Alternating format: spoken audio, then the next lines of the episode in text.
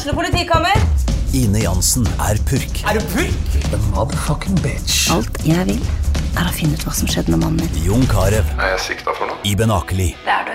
Ole So, Lars Berrum og Big Daddy Karsten. Hvem sin side er du på, egentlig? Anette Hoff, Tone Danielsen, Kommer du fra Afrika? Jørnis Josef, Nesten. Kløfta. Trond Espen Seim, Det er synd å si det, men det var feil mann som døde. Purk. Premiere tirsdag på TV2 Play.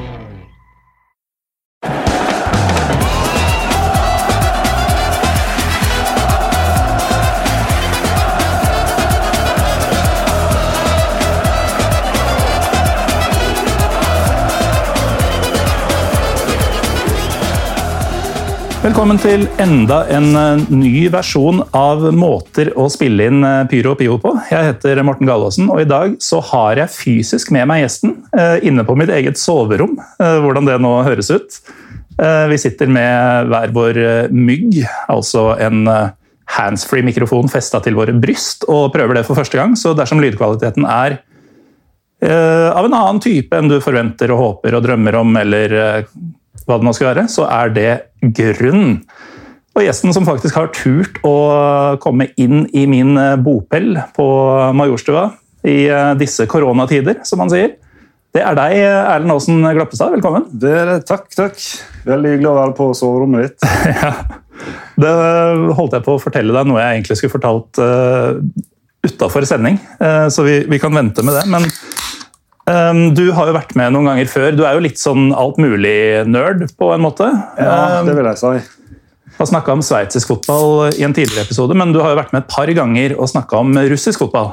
Ja. Og det er jo eh, gaven som bare gir og gir, ja, må det være lov å si. Ja.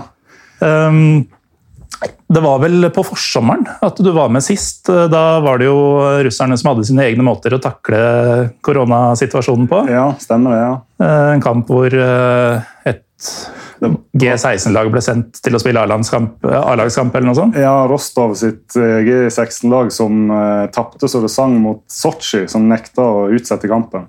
10-1 var det vel. Stemmer. Og i den kampen så var det jo en, eh, en av de virkelig store heltene dine som gjorde seg gjeldende, var det ikke det? Det var det Kokorin nytta sjansen når han først fikk møte 16-17-åringer. Så han skåret han hat trick, var det det? Skårte iallfall en del. Ja, han skåra en god del i, i den matchen. Eh, Det er jo liksom i nyere tid så er det spesielt to spisser som har um, utmerka seg utafor Russlands grenser da, av russiske spisser. og Det er jo Kokorin, som alle har hørt om på godt og vondt. Eh, og så er det en som heter uh, Djuba. Ja. Eller Djuba. Mhm. Eh, han har jo vært i vinden i det siste. Det var jo en, en liten hendelse eh, med han eh, ganske nylig som gjorde at vi eh, at jeg tok kontakt med deg og tenkte at nå er det på tide å sjekke hva russerne driver med igjen. Ja, når, når jeg så hva han hadde funnet på, så tenkte jeg det er ikke usannsynlig at Morten Galaasen tar kontakt. Men eh, denne Artem eh, Djuba, han, eh, fortell litt om han før vi går til skrider til verket. Ja, han er jo en veldig populær russisk og svær spiss. Veldig svær, spesielt. Han er et beist på ja, sånn, vi, skal tippe 1,97 kanskje. Uh, og er jo um, fast spiss på det russiske landslaget. Og folk flest kjenner han jo ifra VM i Russland, der han rett og slett var, han og laget rett og slett var bra. Eh, og, ja. Eh, og han er en spiss som eh, tidligere har vært i Spartak Moskva. Og eh, det er da en av ja, du kan si egentlig at det er erkerivalen til Zenit. Og han Som han er i nå. som han er i nå, ja. Han er i Zenit nå. Og han eh, har òg vært på utlån før, fordi han fikk ikke, fikk ikke alltid spille for Zenit. Og Der endte han jo opp med å skåre mot Zenit, og han er en sånn type som han gir en god benge om Zenit til arbeidsgiveren hans, så han jubla jo Ja. som om han hadde vunnet ligaen mot eh, Zenit. Han er litt sånn troløs type, høres det ut som. Ja, eller han er på en måte, jeg tror det er sånn at han, Der han er, er han på en måte veldig tro. Så når han da var på lån til Arsenal Tula og skåra, da var det var ikke snakk om at da var han i den klubben, og det var viktig å skåre. Vi hadde jo en sånn eh, lignende hendelse på slutten av 90-tallet her i Norge, da Mamadou Diallo var på lån fra Lillestrøm til Vålinga. Ja. Eh, Skåra jo selvfølgelig både ett og to mål eh, da Lillestrøm kom på besøk til Bislett eh, den høsten. Og mm, valgte jo da å feire ganske hemningsløst foran Kanarifansen.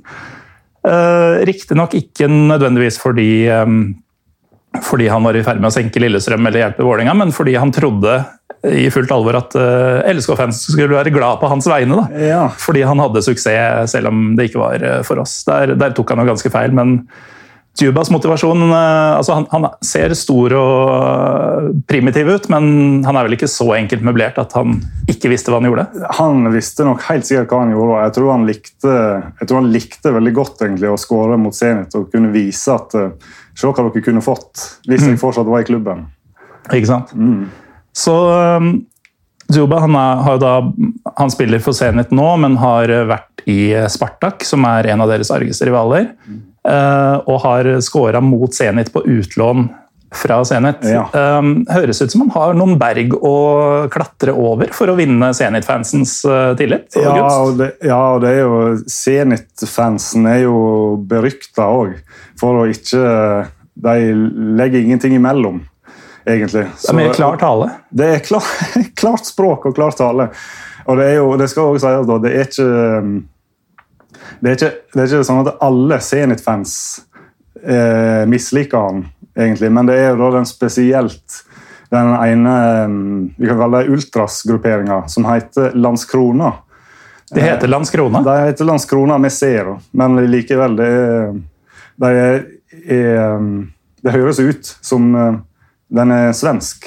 Det høres jo veldig sånn ut. De Det har jo for litt kobling til Sverige med at det er klubben, eller ikke klubben, men ja, fanklubben er oppkalt etter eh, en festning eller en borg i eh, St. Petersburg-området som heter Landskrona.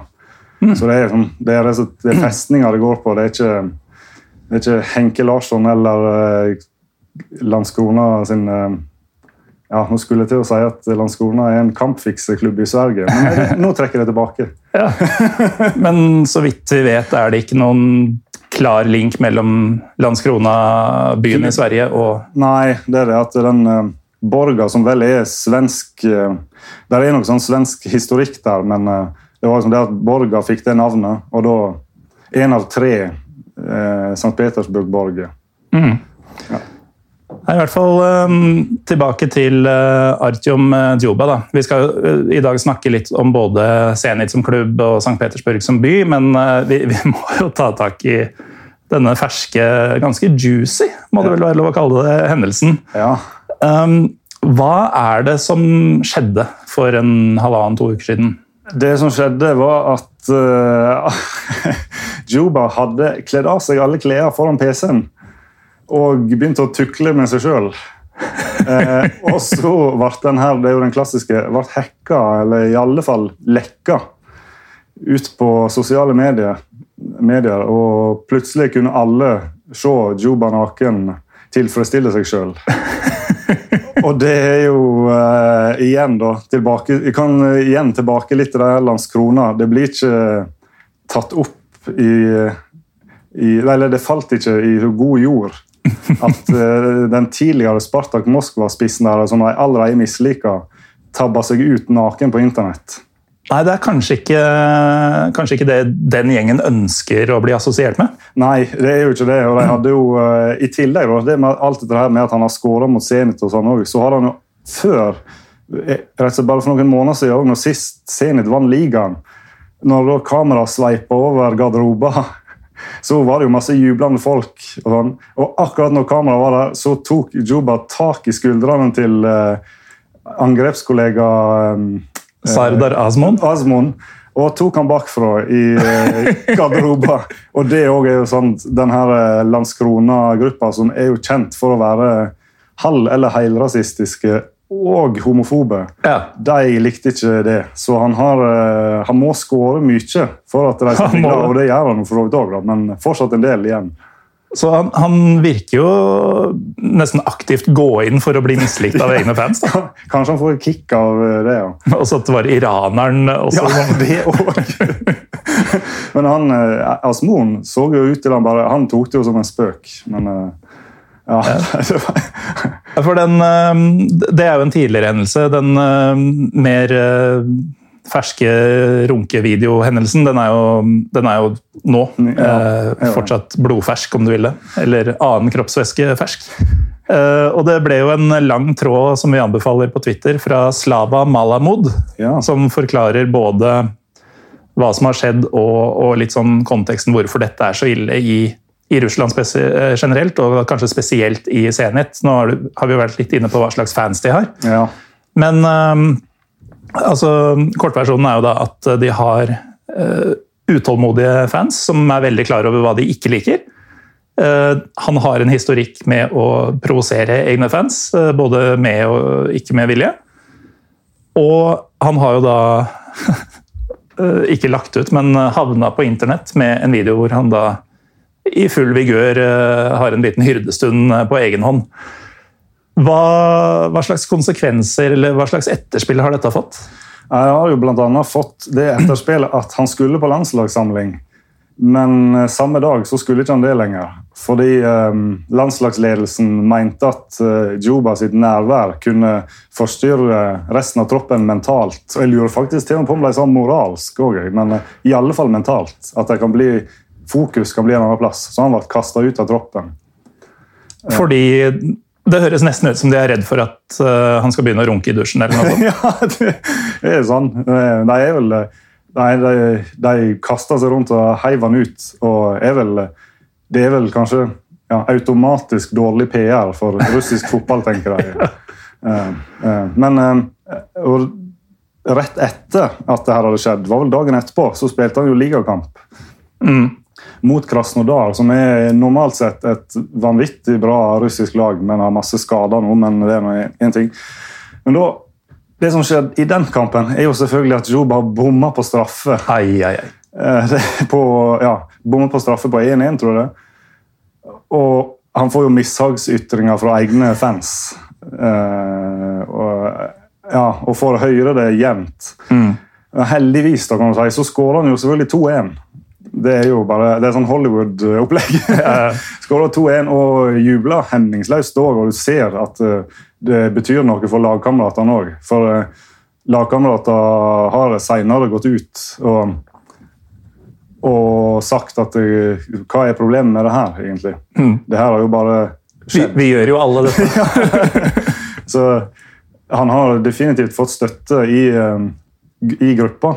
Og så har det, jo, det er jo så stor sak at flere russiske kjendiser har gått ut og støtta han. Og det har vel også blitt debatt på TV. Det har jo kanskje sett Det er en stor sak, rett og slett. ja, Seks-sju menn i studio som står og ser på nakenbilder av Juba på storskjerm og diskuterer hva som har skjedd. Menn i 60-åra. Denne, denne, sla, denne Slava Malamud, da, som har denne lange, mm, gode eh, Twitter-tråden. Vi kommer til å lenke til den. Den ligger allerede på feeden til Pyro Pivo, men eh, vi legger ut en ny en eh, i kjølvannet av denne episoden. Han går jo langt i å si at Russland som land nærmest er redd for penis.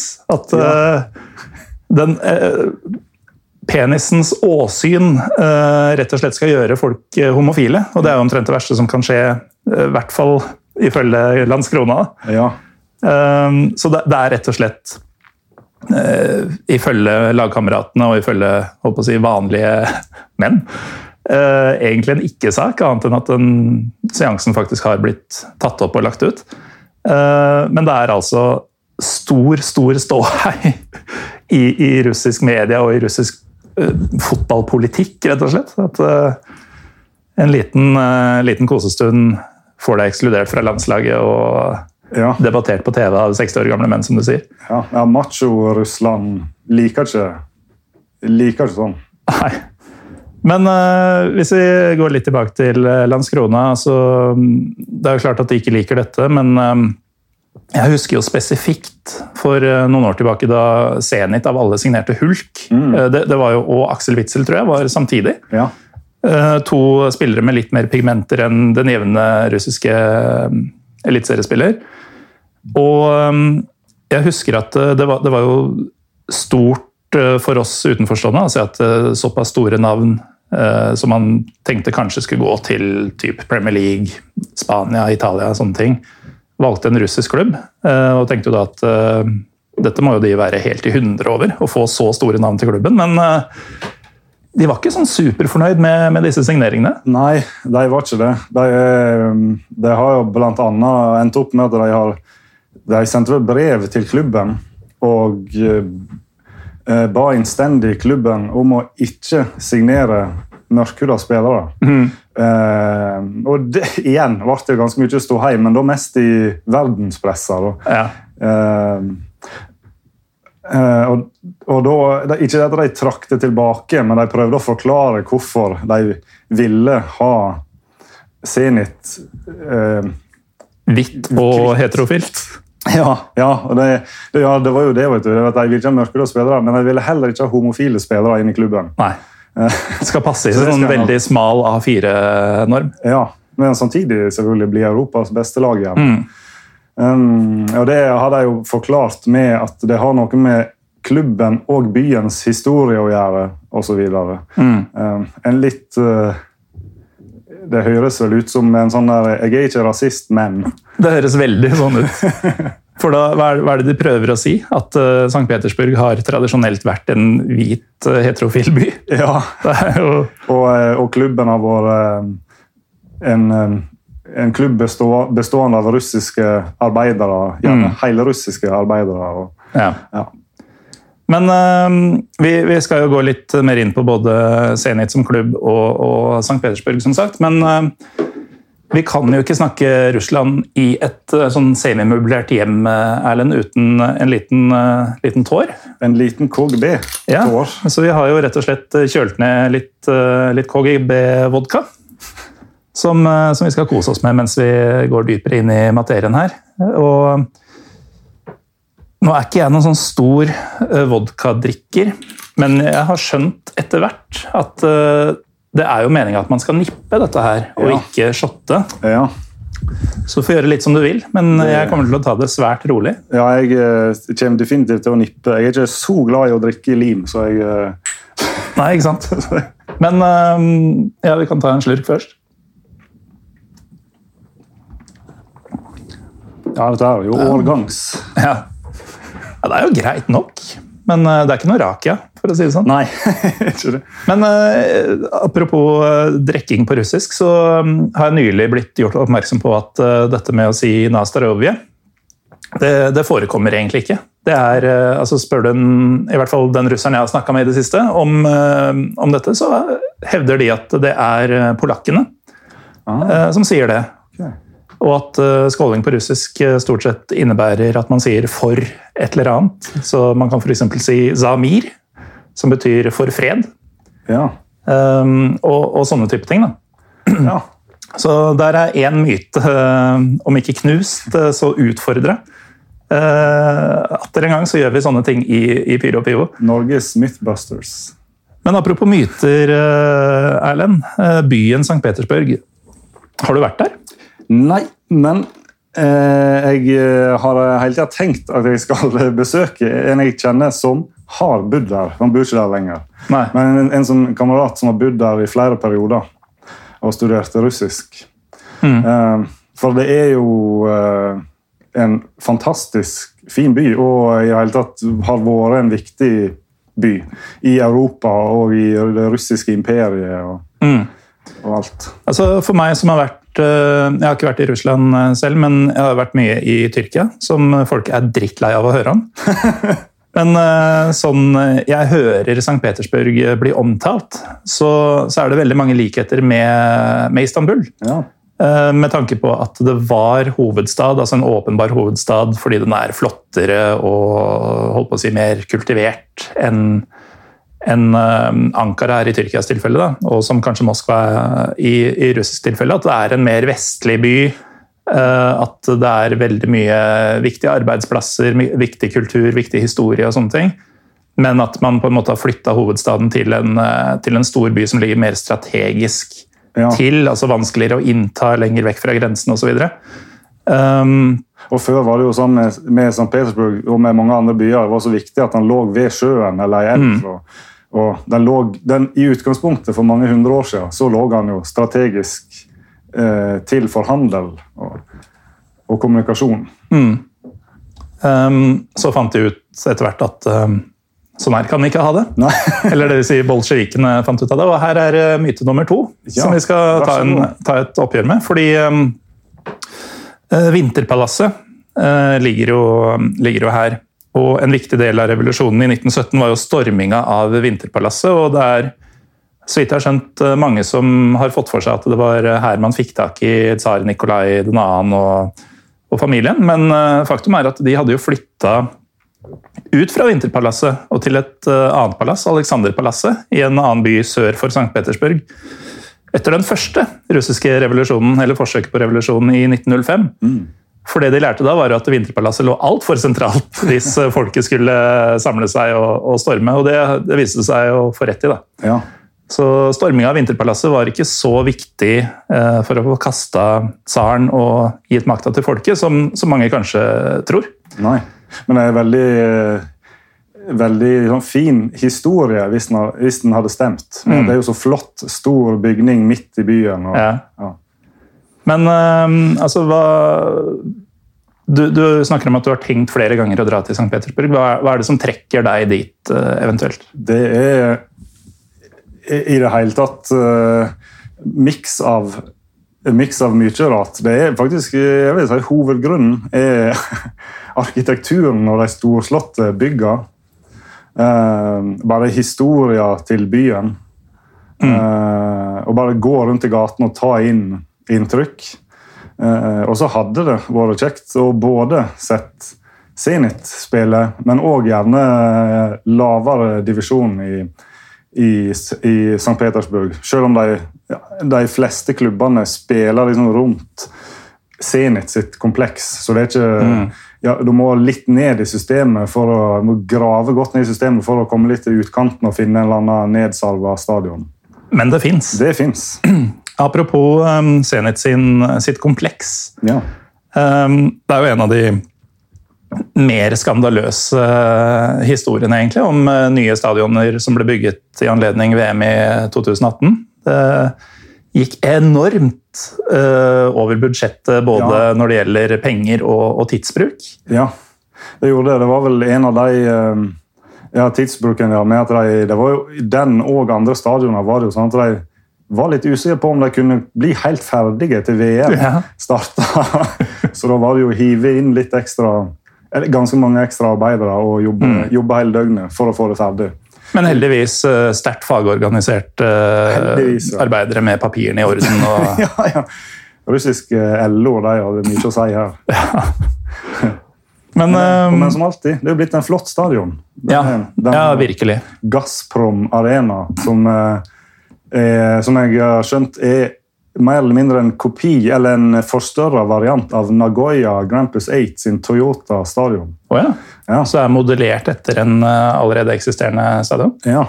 Ble, ble den bygget til 2002-VM? Det er et godt spørsmål. Det ser litt sånn ut på type arkitektur. og sånn, ja. Så ser det sånn ut. Og Zenit sin er det jo med uttrekkbart tak, og du kan eh, uttrekkbar bane. Og, så den er skikkelig high-tech. Så det er flere likheter mellom Schalke og Zenit enn en enn Gazprom. Det er ja, også, og, og Gazprom er inne i mange klubber rundt om. Røde Stjerner, kanskje. ja da. Ja. Ja, ikke bare kanskje. Det er eh, hovedårsaken til at Røde Stjerne har tatt over hegemonien etter eh, mange års eh, partisandominans. Ja. Eh, Men det får bli en annen episode med, med Trym Hogner. eksempel. Um, men eh, du nevner Gazprom. De er jo mm, eh, relevante i mange settinger, som du sier. Eh, En av hovedsponsorene til Champions League, inn i mange klubber rundt omkring. Um, Men det er jo mange som tenker at eh, Det er, bl.a. en på Twitter som er veldig opptatt av, av russisk eh, politikk. Clark Whitney. Han skriver om to ting hovedsakelig. Det er Bundesliga og om eh, Gazprom og Putin. Og han omtaler jo eh, Gazprom ikke som et oljeselskap, men som et uh, mafia- eller forbrytersyndikat, uh, nærmest. ja. Uh, og de er, altså Gazprom Arena klare linker til Zenit her. Eh, men hvor, hvor ille eh, Eller hva, hva er eh, greia her, eh, Erlend? Ja, hvis du kan, altså, med Gazprom så kan en jo begynne med, som med mange andre av de store selskapene, kan begynne med når Sovjet Eller jernteppet falt, og Sovjet kollapsa. Da var det jo å bare nytte sjansen og grabbe til seg det en kunne. Og Gazprom eh, reiste jo seg ut av Sovjetasken og fikk mer eller mindre Jo, jeg tror de fikk monopol på russiske gassforekomster når, eh, rundt 1990 og i åra framover. Og så var det jo da Jeltsin som etter hvert begynner å privatisere dette her. Så en fikk eh, gass- og oljeoligarker. Eh, og så var Jeltsin ferdig, og så kom etter hvert Putin til makta. Og han ville bruke Gazprom og andre litt mer politisk. Eh, så Russland, staten, har vel 51% av aksjene i Gazprom. Og i rundt 2005-2006 så satte Putin sine menn i styre og stell. Blant annet ikke ukjente Dmitrij Medvejev. Ja, han, han, som var stedfortreder for Putin et par år? Ja, når han plutselig ikke hadde lov å være det med statsminister og president. Mm. Så måtte han ut av rolla i en periode og så tilbake igjen. Ja. Ja, så han satte han der, og sånn at han skulle få kontrollen som øverste leder av Russland, få kontroll over Gazprom og det de, det de foretok seg. Og har jo i, og i de senere år blitt brukt politisk som pressmiddel. og Sånn som når um, tidligere sovjetstater driver og lefler litt med den vestlige Europa. F.eks. Moldova for noen år siden, som ville inngå en sånn handelsavtale med EU.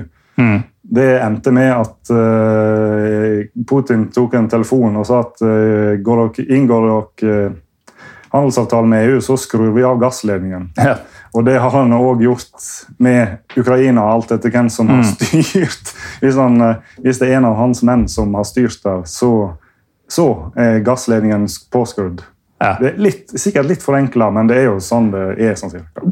Ja, sånn cirka er det nok, er det nok sånn. Og så finnes det jo mange uh, si, detaljer man kan finjustere, men, men, det store bildet ligner nok veldig på det du beskriver her. Ja. Um, men uh, altså, når du nærmest får monopol, eller faktisk får monopol på olje- og gassressursene i hele Russland, det er ikke små verdier, altså. Det er jo et av verdens største selskaper, uansett hvilken bransje dette er. Ja, det er det. De har helt enorme ressurser. Eh, og så får du jo det med at Russland er jo et enormt land, mm. men eliten er ganske liten. Så, eh, så de Eliten er liten? Eliten er liten. så der, der, er en liten gjeng her da, som sitter på enorme eh, ressurser som de kan bruke som ja, pressmiddel. og ja. Mm. Før, vi, før, vi, går over på, på mer fotball og mer, mer senhet her, Erlend. Vi sitter her og drikker vodka, det er jo den største klisjeen eh, man får. Og spesielt den vi eh, drikker, som heter KGB og har en rød stjerne på, på eh, etiketten. Men hvis du først skulle tatt en tur til St. Petersburg eller hvor som helst i landet, er det noe mat eller drikke utover det som du ville ville gått for? Altså det som er litt, eh, kan jo ta den største, Ikke den største russiske klassikeren, men den som er kanskje all, retten som aller mest En av de som er aller mest kjent i Norge, egentlig, vil jeg si. Ja, ja, det var kanskje å ta litt i, men Biff Stroganoff ja. den er jo, har iallfall sin opprinnelse fra, i St. Petersburg. Faktisk i St. Petersburg, ja. ja det de hadde, de hadde en sånn matkonkurranse der eh, kokken som vant den konkurransen, han diska opp med retten biff stroganoff, som han hadde hadde oppkalt etter um, arbeidsgiveren sin, som var en greve.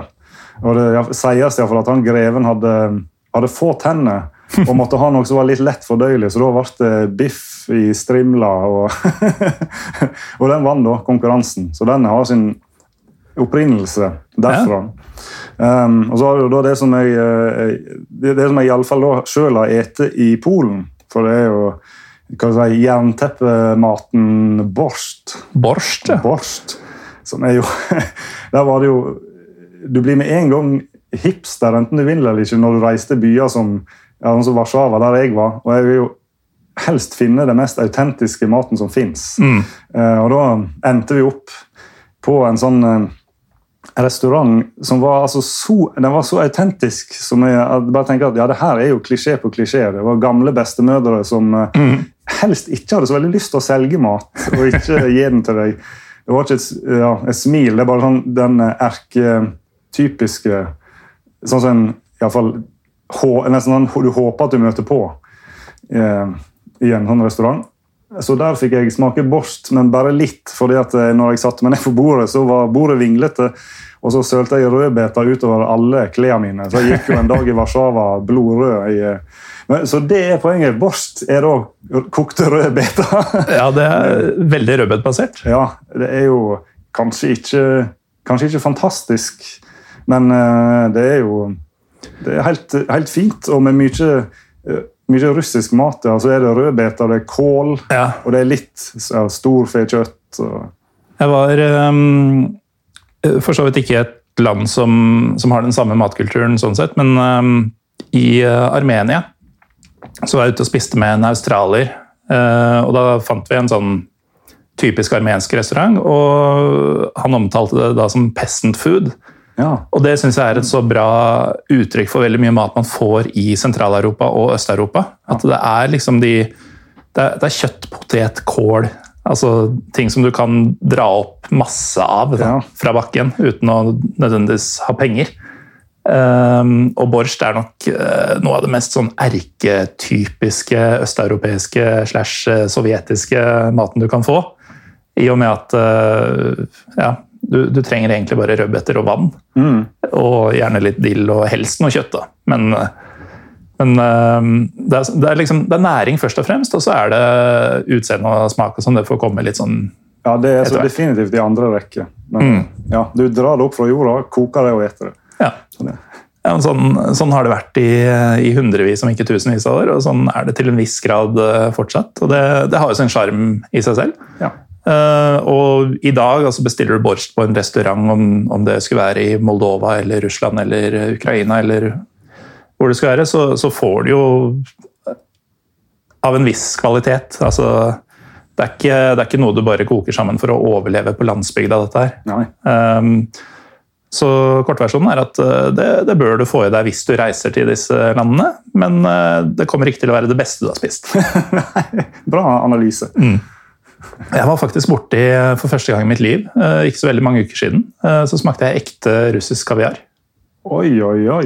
Det var ganske nice, altså. Jeg vet ikke om det er verdt de hva var det for noe, 800 kronene for uh, 10 gram, eller noe sånt, men Eh, Men det var verdt å få i seg. Og um, heldigvis så veit ikke jeg hvor eh, de som jeg var på besøk hos, hadde kjøpt dette. Så det er ikke noe snakk om å liksom bli hekta på det selv. Men eh, en gang i livet så bør man eh, ta en liten sånn blini, en liten pannekake med, med litt eh, ekte russisk kaviar og bare sjekke hva all ståheien handler om. Ok, litt fotball? Ja, vi kan prøve på det. Ja. Vi, vi kan jo først prøve å sette Zenit i en litt sånn historisk sammenheng. Fordi um, veldig mange av klubbene i, i østeuropeisk fotball, da, men nå holder vi oss til russisk, er jo sterkt linka til eh, statlige institusjoner. Altså Du har CSKA-klubbene som tilhører Hæren, du har torpedoklubbene som jeg, så vidt jeg har skjønt tilhører eh, Marinen, eh, lokomotivklubbene til Jernbaneverket osv. Dynamo-klubbene til hemmelig politi. Ja, KGB i russisk eh, tilfelle. ja CSKA, militære Røde armés klubb. Ja, Det er ganske sexy. altså. Er det? Er det noe jeg ønsker meg til jul, så er det en um, vinylplate av Red Army Choir. Uh, og da skal den helst nasjonalsangen, den gamle nasjonalsangen, eh, være med på. Det er uh, noe av det beste som fins innen musikk, tror jeg. ja, jeg er helt enig. Men Zenit, har de hatt noen sånn type tilknytning? Ja, de, har- de Zenit er jo en slags sammenrasking av litt, litt lokale klubber i St. Petersburg. Litt sånn blanding av eh, eh, blanding av sånn småklubber der hovedbestanddelen kan du si, var en sånn metall, eh, metallfabrikk, eller stålfabrikk. Så de hette jo eh, de, de begynte vel De er litt uenige om når det hele starta. For det er jo alltid etter hvor langt bak i tid du skal gå. For det er jo alltid noen som har spilt fotball og Ja. kalt seg et eller annet. Men eh, en sier vel at midt på 20-tallet så eh, begynte det så smått for Zenit med at arbeiderne på Leningrad metallfabrikk eh, Leningrad var da navnet på St. Petersburg på denne tiden. Ja, eh, det var det. Og de ble kalla Stalinets, eller stalinistene, men eh, det høres ut som om det var Stalin sitt verktøy. Men det hel, hel, henger nok kanskje mest sammen med at det var en stålfabrikk. Mm. Stal. Ja, ikke sant? Um, eh, ja, og så utvikla det her seg til, fra det til at den, blir en del av, den fabrikken blir en del av militærindustrien på 30-tallet. Og at mer eller mindre de som jobber der, blir jo egentlig bare tvinga til at dere må melde dere Dere skal være medlem av Zenit eh, sportsklubb. Ja. Um, ja. Og det, var, det er på en måte starten, da. At, eh, Men når du sier uh, seint på 30-tallet, så um, høres det jo ut som om de, um, de måtte vente en stund på suksess. Men, uh, men kanskje kortere enn uh, enn det er naturlig å tenke, da, Ja, for de som de, kan sin historie. De har eh, de, Zenit var jo var ingen stor klubb og stor suksessrik klubb eh, lenge, men de har sånne enkeltdrypp. Som i at de vant bl.a.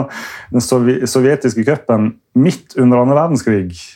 Eh, og Det var vel til og med i 44, så det gikk jo ganske hardt for seg eh, her og der. Så jeg er litt usikker på litt overraska over at jeg fikk tid til å spille fotball, men eh, Ja.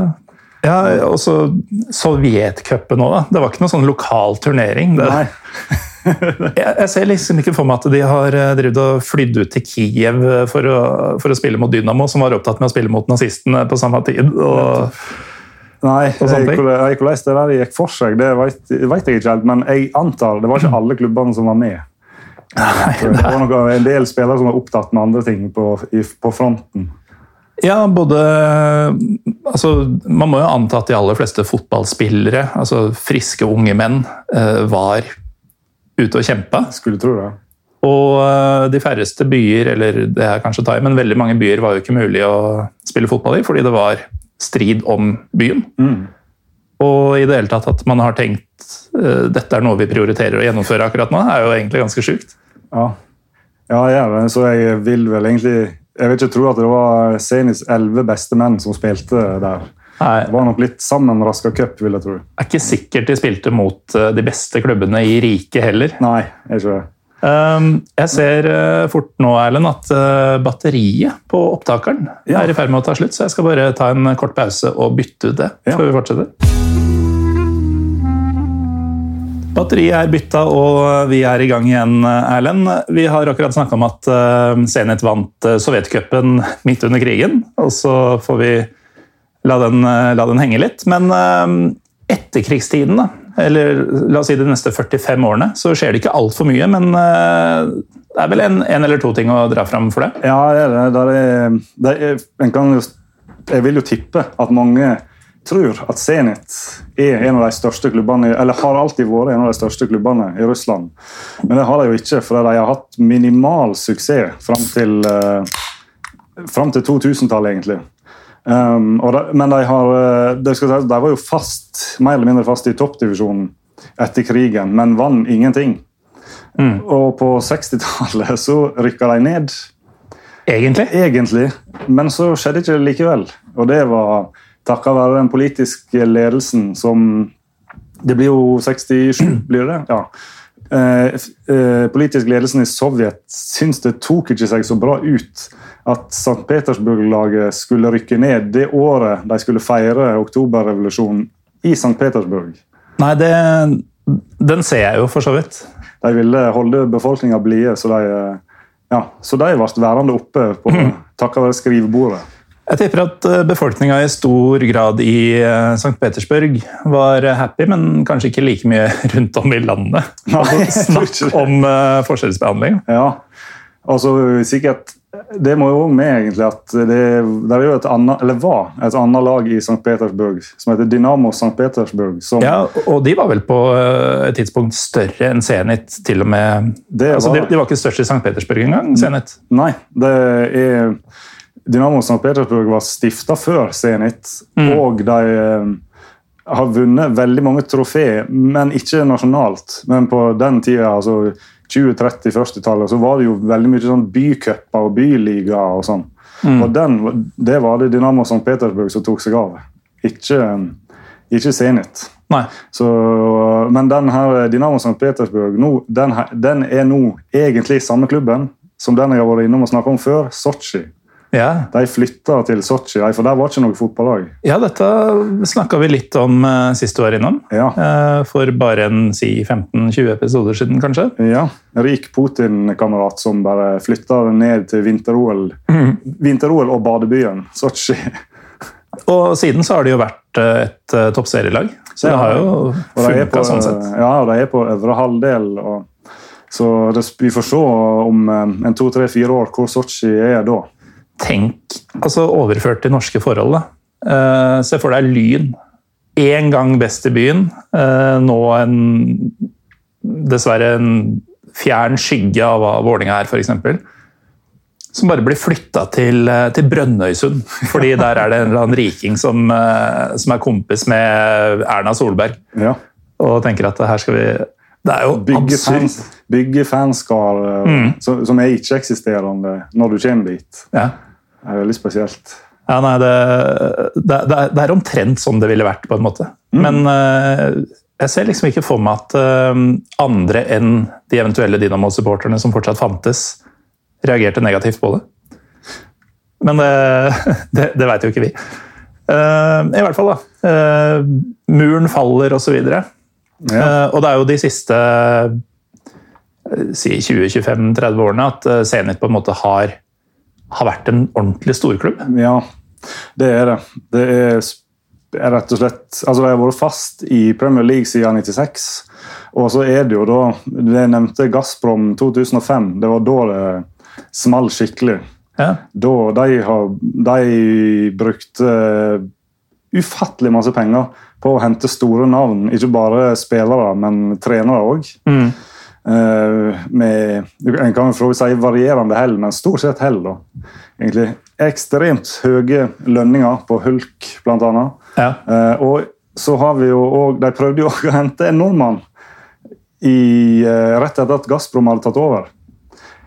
Eh, og det var Kristoffer Hestad Doffen på start. ja. Der eh, husker jeg at Erik Soler, som vel da var sjef i Start, han innrømte det at det hadde tikka inn et bud på 25 mill. på Doffen.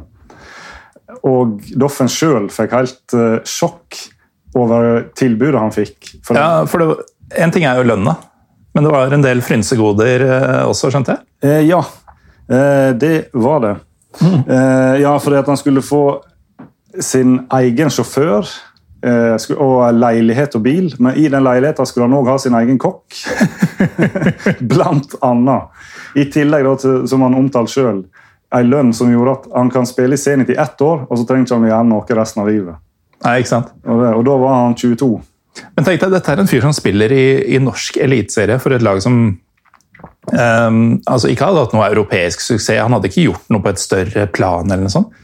Tenk hva Hulk og Witzel og alle disse folka har, og trenerne ikke minst, har eh, fått kontraktsfeste at de skal ha. Ja, det er, helt, det er så vanvittige summer som har blitt sprøyta inn for å holde den, eh, holde den skuta oppe. For de snakker jo, På trenersida så er det jo Spalletti, advokat, Manzini, Capello og ikke minst han som vel har vært sånn ørkenrallysjåfør, Vias Boas. Han er vel nesten en av de med størst suksess også. Ja, Han, og nå, eh, han vel, nå prøver han vel seg på suksess i Marseille. Ja, Han får lykke til med det. Ja.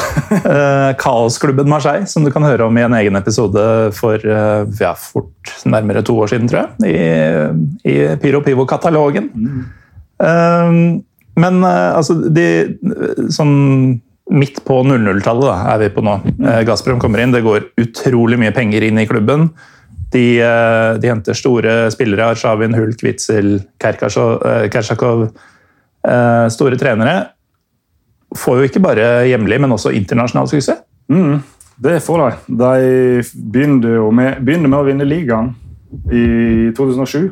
Og Året etter så slår de Bayern München i semien og så slår de Rangers i Uefa-cupfinalen. Jeg tror ikke de bare slo Bayern, jeg tror de vant sånn 4-1 i München. hvis jeg husker riktig. De bare slakta Bayern i Tyskland.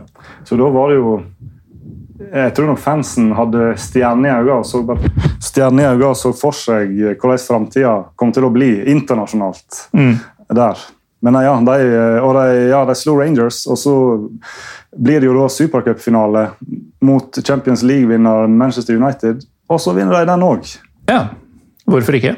Hvorfor? Så det er, det er jo eh, vi, vi, vi var litt inne på paralleller til eh, Tyrkia tidligere. Og dette er jo litt sånn Galatasaray hadde det i 2000. Hvor de vant uh, Uefa-cupfinalen mot eh, Arsenal på straffer. Og så møter de vel, om det var Real Madrid, tror jeg, i, i supercupen og vinner den også.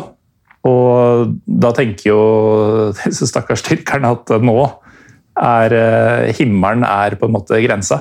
Men uh, det ble ikke noe Champions League-gull med det første på dem. Nei, Ei heller med Zenit. Det ble ikke det med Zenit heller. De har jo vunnet mange ligatitler på 2010-tallet. Fem-seks. Eh, men de er nok altså, de, Men det Man skulle nesten tro det var flere.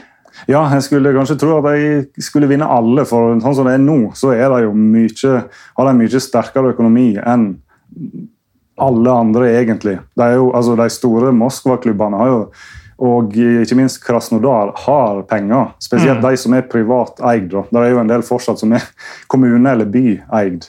Men uh, de Det, som det er vanskelige forhold å jobbe ut fra i dagens russiske fotball, eller? Det er det. Når du først har noe sånn, har eiere på andre sida som bare spytter inn milliarder, og så må eh, du jobbe med, med kommunale budsjett. Så, eh, så du skulle kanskje tro egentlig at Zenit ville klart å vinne alle, men de har hatt en, hadde jo en tørr periode midt på 2010-tallet, der eh, andre, andre lag bytta på å vinne gullet. Um, Hvem var aktuelle ligavinnere i den perioden? Var det Moskva-klubben Ja, først og fremst? det er Moskva som er liksom, Når først eh, si, maktsentrum flytter seg fra St. Petersburg, så er det med en gang Moskva som tar Ja. opp eh, Det er ikke, det er ikke Krasnodar. Men så, nei, de har ikke vunnet ligaen ennå, selv om eh, det skal sies at uh, Rubin har jo vunnet den Det er eh, selv. Mm. Eller sjøl. vunnet den òg. men eh, at eh, Ja, nei, som sagt, de er ikke så dominerende som en kanskje skulle tro. Og akkurat nå så leder ikke de ligaen, men de har jo spilt kort tid, så det er fortsatt lenge igjen av sesongen. Men nå er det flere de kniver med om ligagullet, da Spartak Moskva. Det hadde vært herlig, og, herlig med en siste serierunde der en av de to vinner ligaen. Vi skulle gjerne hatt folk på tribuner, sånn helt smekkfullt. Ja, for, for det er jo en greie nå. Nå har vi snakka litt om, eh, om stadion, by og sånn. Eh, Man får jo ikke reist noe sted nå, og får man reist noe sted, så får man ikke dratt på kamp. Nei. Men sånn eh, i et lite dystopisk framtidsperspektiv, så, så er jo en kamp mot et av de store Moskva-laga på dette nye Gazprom Arena mm. gjerne en ordentlig tellende kamp, da, men uansett en hvilken som helst ligakamp vil funke. Bør være ganske høyt på bucketlista, eller? Ja, jeg syns det. Spesielt mot Spartak, men generelt Moskva mot St. Petersburg er jo det, må, det er definitivt på min bucketlist. Eh, å få med seg eh, Landskrona og alle de andre der er, det, er jo det, det, er jo, det kan jo si om Landskrona. men Nå føler jeg Det jeg nå skal si, jeg høres ut som sånn der Hitler gjorde veldig masse bra, han òg. Bygde jernbane. Jeg er ikke rasist, men altså, Landskrona er jo en gjeng typer, men på stadion, når de når det handler om laget og ikke Laget, hva de ikke liker Ja, så er det jo en fantastisk trøkk i dem. Og de er, de er jo av de supportergrupperingene som på en stadion beveger seg på, akkurat på grensa. Sånn at, eh, litt sånn som en del eh, du kan si, igjen da, Sammenlignet med tyrkiske lag. med at eh, Hvis du er der som nøytral, så kan du nesten bli litt redd. Men så er det en slags organisert form på det. Ja. Så det er et vanvittig trøkk fra den gjengen. Ja, det, det virker helt nydelig, det jeg har sett av videoer og sånn. Eh, og så kan man jo, som, som man dessverre ofte må til mange land og byer og klubber i Øst-Europa, bare ta være glad for at du ikke skjønner hva de sier alltid. ja. Eh, Men eh, å lage liv og lage trøkk eh, og, og støtte laget sitt og skremme motstandere og sånn, det, det er noe man kan i den delen av verden. Det er det. Og Landskrona og Zenit er blant de beste i Øst-Europa faktisk på, på dette her. Det er det. Det er jo det vi trakter etter når vi skal på sånne kamper. Bli litt redd. Litt redd er eh, en, en kontrollert frykt, eller skrekkblanda fryd, Skrekkblanda fryd, er er et herlig uttrykk for, Ja. eh, for en fotballopplevelse. ja. eh, som du kommer til å huske. Um, mot slutten nå, Erlend. Um, de er ikke helt der de skulle ønske de var i 2020. Nei, de er ikke helt det. For det første så dominerer de som sagt ikke i Russland. Og når en da ser dem i Champions League, sånn som når de nå møtte eh, Haaland og Dortmund, så er det stort sett De får liksom ikke brukt eh, styrkene sine, fordi at eh, de, i Russland er de vant til å i alle fall styre kamper. og sånn. Mens mot Dortmund så går det gjerne litt for fort. Ja. Eh, for eh, spesielt da når eh, en har et par mann ute, og sånn, så merker en det fort at her, her må de mer eller mindre parkere bussen. Og så blir det to-tre kontringer i løpet av en kamp, og så må vi stole på at forsvar og keeper holder tett. Ja, Når du skal kontre, så er jo ikke altså Tidligere nevnte Juba. Det er jo ikke det han er født til. Det, han er jo ikke det. Han kan, eh, du kan definitivt slenge ballen fram til han, og så kan han prøve å holde på han. Men han er, han er ikke den som skal eh, stikke ifra midtbanen og forsvaret til Dortmund. Eh, og, sånn som noen når de møtte Dortmund, så var Asmon ute, og da er det ikke så mye igjen å hente. Altså Han som ble voldtatt av, Asmo- nei, av eh, Juba i garderoben. Ja. Det- Men uh, apropos uh, Jeg tror faktisk vi har snakka om det tidligere, fordi han er en av mine favoritter. Men eh, da Sardar Asmon gikk til Zenit, så var det en stor overgang i russisk fotball. Jeg fikk ikke veldig mange overskrifter internasjonalt, naturligvis, men fryktelig god spiss. Ja. Um, han leverer, han, har jeg skjønt. Han gjør det. Han sliter litt som sagt i år med å ha vært litt av og på med skade, men eh, helt siden, han kom, helt siden han kom til Zenit, så har han levert veldig bra. Og så passer han egentlig ganske godt lag med et beist på topp. En litt mer kjappfota teknisk, og så en svær en ved siden av. Ved siden av. Så han, eh, nei, han leverer i Russland, han. Så får vi se da om eh, ja, og i hele tatt, Det er jo noen da som må ha en del penger for å få han vekk fra Gazprom. Eh, så vi får se om han går til en bedre liga eller ikke. Men for dette har vi også vært innom i tidligere episoder om russisk fotball. at um, Det er jo en grunn til at sånn Akinfejev, Djagoev, alle disse som man har tenkt skulle ta steget ut og bli store altså i Charlov, Smorlov eh, Veldig mange av dem som du leser om på Twitter og, på sånn fotballhipster-nettsteder og sånn, som eh, skal være fryktelig gode spillere, og som bare plutselig er 29 år gamle og aldri forlot eh, Russland, ja. er penger. ja, det er penger, ja. Og litt hjemmekjærhet, kanskje. Men ja jeg tror sånn som, eh, sånn som du nevnte Jagoev han er en litt sånn type etter det jeg har skjønt. Men at han er litt skeptisk til å skulle forlate og reise ut på egen hånd. Til om det så hadde vært Bundesliga eller mm. Premier League. For det er en del av de som har, har kvaliteter nok, men de er jo blanding av, eh, av heimekjær og eh, ja, og et eller annet jeg skulle til å si. Ja. Men eh, ja. Uh, Nei, for uh, de har jo for så vidt litt grunn til å være skeptiske også. fordi Jeg husker spesielt EM 2008-laget til Russland. Det, det ble jo bejubla av en hel fotballverden. Og flere av de uh, prøvde jo lykken utenlands. Biljalettinov, Zjirkov, eh, Pavlutsjenko. Og et par av disse hadde jo ok suksess. ja da. Men de, eh, de hadde det nok bedre både før de dro ut og etter at de kom tilbake. Ja, og det, det var det jeg skulle si. At eh, en del av dem òg har noe sånt eh, mindset med at de er rett fornøyd med å være småkonger i Russland med stor lønnsslipp. Og det er på en måte det er greit, det. Big shark in small pants. Nettopp.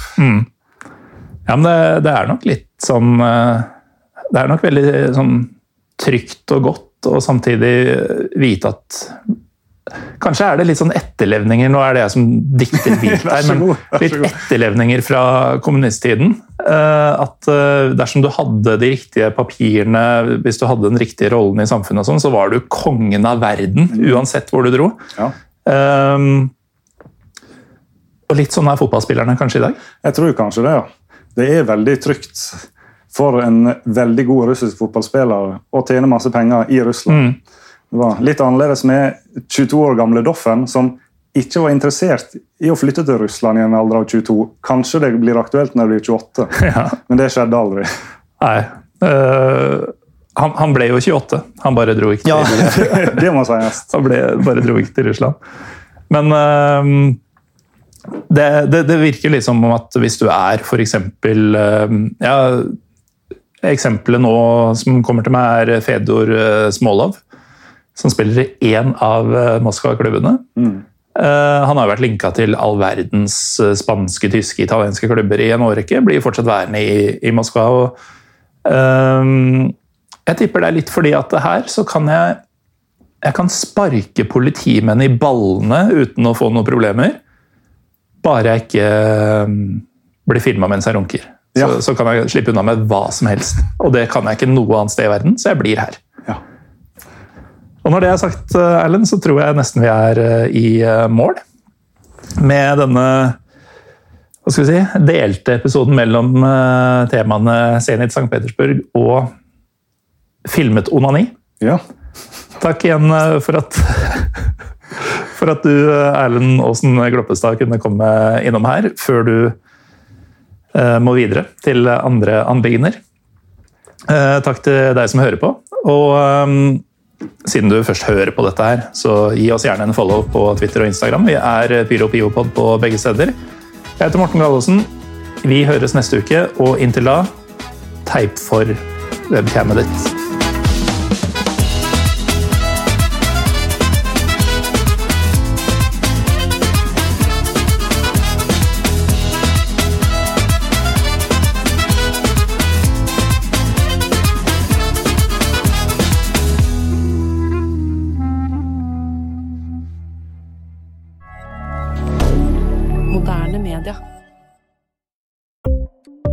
Ukens annonsør er HelloFresh.